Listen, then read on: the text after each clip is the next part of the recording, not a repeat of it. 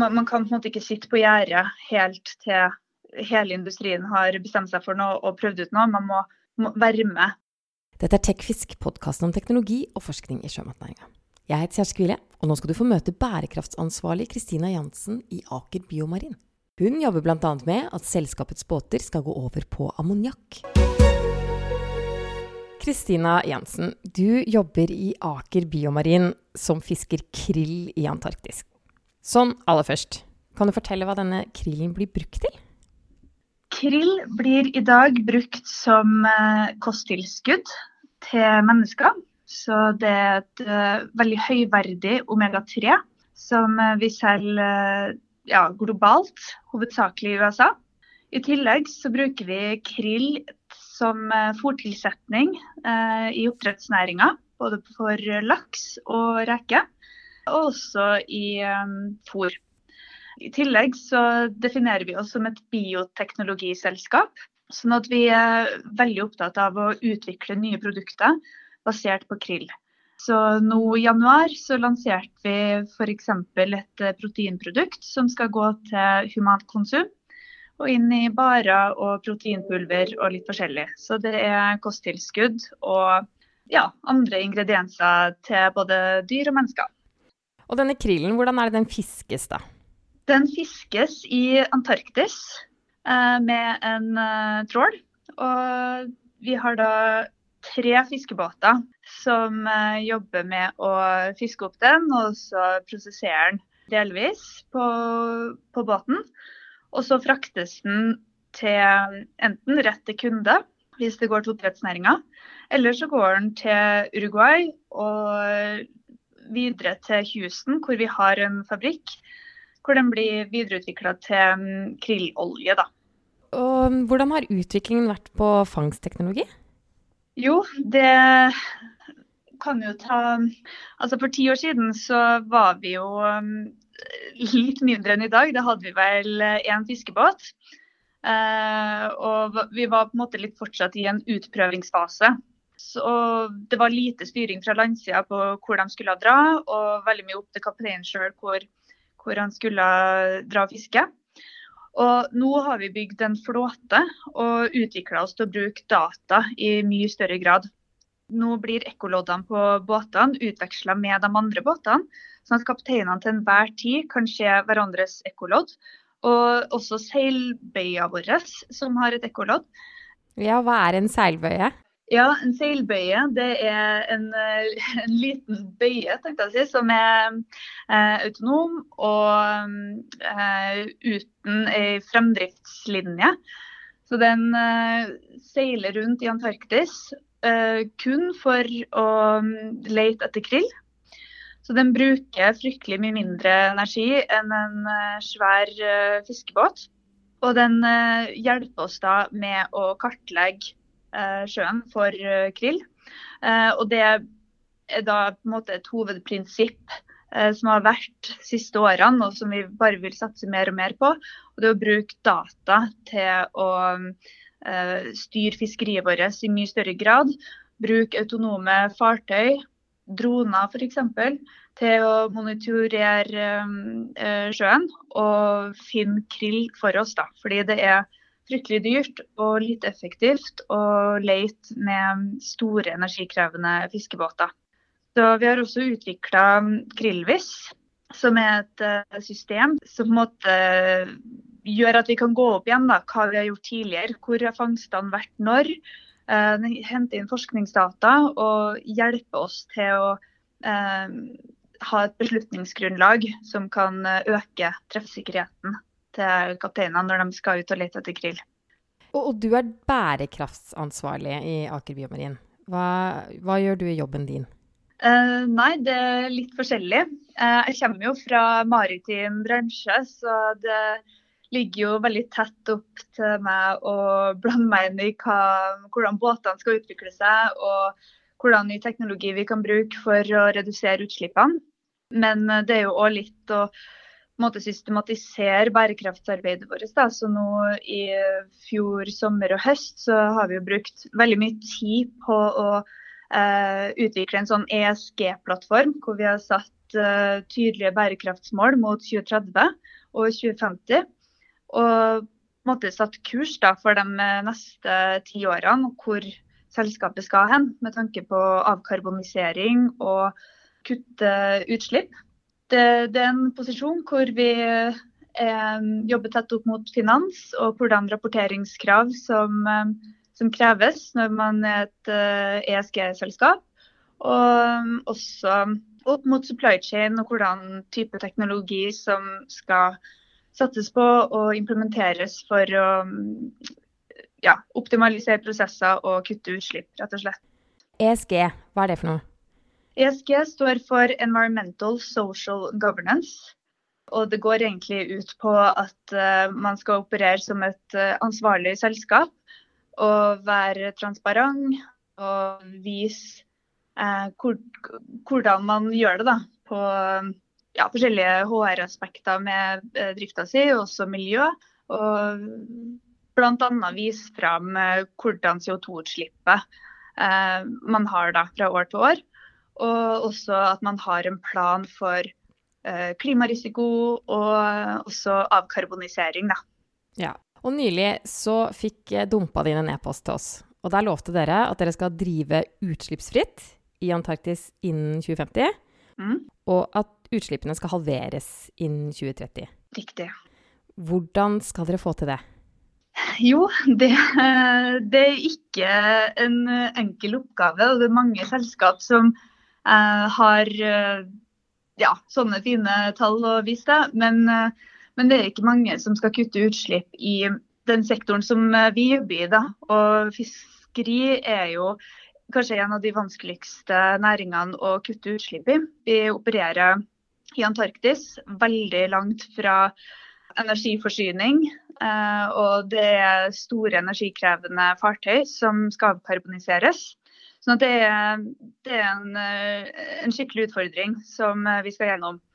Men for å nå det ambisiøse målet vårt, så er vi helt klart nødt til å kutte utslippene som er på båtene, som er våre største utslippskilde.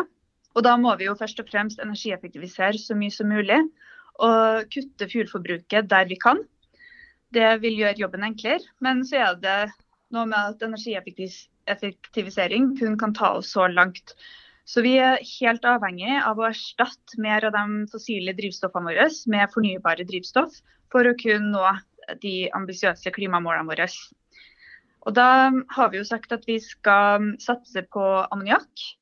Og det er rett og slett fordi at det er det mest lovende drivstoffet eh, som er fornybart i maritim bransje akkurat nå. Eh, og det kan lages med fornybar energi, der man produserer hydrogen fra um, fornybare energikilder. Og så blander man med nitrogen som man tar fra atmosfæren.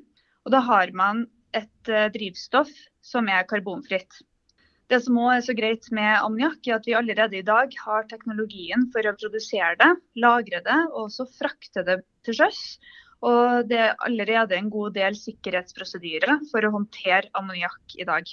Så vi har jo allerede installert en uh, motor på det nyeste supply-fartøyet vårt, Antarctic Provider, som uh, skal tilpasses for å kunne ta i bruk ammoniakk når teknologien er klar for det, og ikke minst at infrastrukturen er klar. Ja, Når er det? Jo, det, det er et godt spørsmål. For eh, vi har jo nå eh, signert en avtale med Aker Clean Hydrogen om å utvikle nullutslipps eh, i Uruguay. Sånn at de skal da bygge ammoniakkproduksjon i Uruguay. Så skal vi kjøpe den ammoniakken og bruke på fartøyene våre. Så da har vi på en måte et løp for eh, å um, bygge om båtene og få båter som kan um, bruke ammoniakk, samtidig som vi uh, jobber parallelt med infrastrukturen for ammoniakk. Så vi har jo som mål at vi skal uh, ha begynt å teste ut ammoniakk uh, innen 2030. og det er det vi jobber mot. Så må vi jo selvfølgelig vi er jo helt avhengig av at infrastrukturen for bunkring er på plass. Og det er nok det som vil være det som tar mest tid her, da. Eh, selve teknologien om bord i båtene er jo på god vei allerede. Både når, med tanke på motor og tank og sikkerhetsprosedyrer, så har eh, leverandørindustrien kommet en god vei. Men, eh, men, det er det å få infrastrukturen på plass for bunkring som, eh, som kanskje vil ta litt tid. Hvordan bidrar dere til det, da? For det er, jo, det er jo nettopp dette med disse nye energibærene, at du har et dilemma med tilbud og etterspørsel. Det, ja, det er jo nettopp det som er vanskelig, og det er det som er så genialt med at vi er en del av Aker-konsernet og kan jobbe både med høna og egget, for å si det sånn. Og, og sørge for at det er um, infrastruktur på plass, samtidig som vi utvikler teknologi uh, for å ta i bruk det. Så det jobber vi med kontinuerlig nå, sammen med Aker Clean Hydrogen. Men det er jo dem som har ansvaret for, for den infrastrukturen, da, mens vi forplikter oss til å kjøpe um, ammoniakken. Men, men, CO2 er jo én ting, men ammoniakk kan gi utslipp av NOx. Og jeg ser at dere kaller det grønn ammoniakk. Hva, hva, er det? Altså, du har helt rett. Det vil ha et uh, utslipp av, uh, av NOx. Uh, men det har man på en måte mulighet for å gjøre noe med. da. Om man bruker skrubberløsninger, så, så kan man håndtere det problemet. Hva er det for noe? Nei, Det er rett og slett å vaske eksosen for, eh, for NOx. Så før avgassen går ut til atmosfæren, så har du systemer om bord som har rensa bort NOx-en. Men altså, sånne her ting er på en måte kanskje det minst vanskelige med utviklinga av uh, ammoniakkdrevne fartøy. Det, det, det, får industrien til å løse. Så det er på en måte den helhetstankegangen som er vanskeligere. da, uh, Å kutte karbon fra, fra drivstoff som um, shipping skal bruke. Det er det som er den store utfordringa, å få opp infrastruktur og bunkring. Uh, men altså, det er jo klart, det er jo mye utvikling som trengs for at for at skip skal kunne bruke ammoniakk. Det, altså det er jo ekstremt giftig, bl.a. Sånn at man må jo ha gode prosedyrer og ekstra beskyttelse på tankene og avlufting og det ene med det andre for å sørge for at ammoniakken brukes trygt, og at det er prosedyrer på plass om noe skulle skje. Så det er absolutt mye som må utvikles. Men Eh, jeg tror ikke det er der skoen trykker mest da, eh, om bord om eh, skipene. Det er det å rett og slett få tak i nok ammoniakk der du trenger det, som vil være det vanskeligste. Nettopp. Men ikke, altså fasiten er på en måte ikke Man er jo ikke helt sikker på hva det er som er løsningen. Om det er hydrogen eller ammoniakk eller CO2 eller batteri. Man, mm. man, driver jo fremdeles og famler litt. Um, mm. Er det lett med den strategien dere har nå, er det lett å gå over til andre energikilder hvis det viser seg at det er noe annet som, som er bedre? Altså, det er jo litt vanskelig å vite. Altså, vi vil, har jo alltid hatt på en måte future-proofing som et konsept som vi ønsker eller et prinsipp vi ønsker å følge når vi designer nye fartøy. At det skal være eh, klargjort for alternative drivstoff eller energibærere når det blir tilgjengelig. Men vi må jo på en måte ta litt høyde for hvordan type energibærere det skal være. Om det er ammoniakk eller batterier vi har, så må vi jo på en måte tenke litt eh, på det når vi designer. Og, og jeg tror egentlig at eh, vi, man, man, kan på en måte ikke sitte på gjerdet helt til hele industrien har bestemt seg for noe og prøvd ut noe. Man må, må være med og bidra til at utviklinga går i den retningen man tenker er riktig. Eh, og, og, jeg tror det er absolutt plass til mange forskjellige alternative drivstoff når fossile skal fases ut. Og at man bruker batterier i mye større grad. Helt klart at hydrogen får en viktig rolle. Det er utvilsomt. Men for store altså havkryssende skip, eller eh, skip som ikke har mulighet til bunkring så ofte, så mener vi at uh, ammoniakk er det mest lovende drivstoffet. Det er mye enklere å håndtere enn eh, hydrogen. Mye høyere energitetthet enn hydrogen. Og med tanke på tankløsninger, da, så er det rett og slett Det tar mindre plass, og du får mer drivstoff med det. ja, jeg har jobba med alternative grønne løsninger for skip i de siste fem årene. og det, Jeg syns uh, ammoniakk virker som det desidert mest lovende og enkleste drivstoffet som, um, som vi vet om nå. Men selvfølgelig, det kan jo dukke opp um, andre løsninger også, som vi ikke vet om i dag. Men uh, vi, må, vi, kan på en måte ikke sitte og vente på gjerdet. Noen må gå først og være med til at, at det blir en utvikling. Og der vil vi være med å ta et ansvar, da. Men i det bildet så tenker jeg at det kjennes veldig langt fram til 2050. Så da tenker jeg det kan også være ganske lett å gi løfter. Som kanskje ingen av dere som jobber der nå må stå for om 30 år. Ja, det er sant. Nei, men altså, Det er jo en prosess. Eh, og det vi har sagt er at vi skal begynne med ammoniakk innen 2030. Men det som er også genialt med ammoniakk, er at du ikke trenger å gå fra 0 til 100, men at du kan ha en blenda. Og at man starter litt i det små. Og så sammen med konvensjonelle drivstoff som MGO, som er det vi bruker i dag. Og så kan du øke blenden av ammoniakk når tilgjengeligheten av det er større og vi er mer kjent med det. Og prosedyrer på plass, og, vi, og det er trygt å bruke det. Det er jo òg det som f.eks. Vertskila jobber med, som uh, har satsa mye på ammoniakk og, og utvikle den uh, løsninga.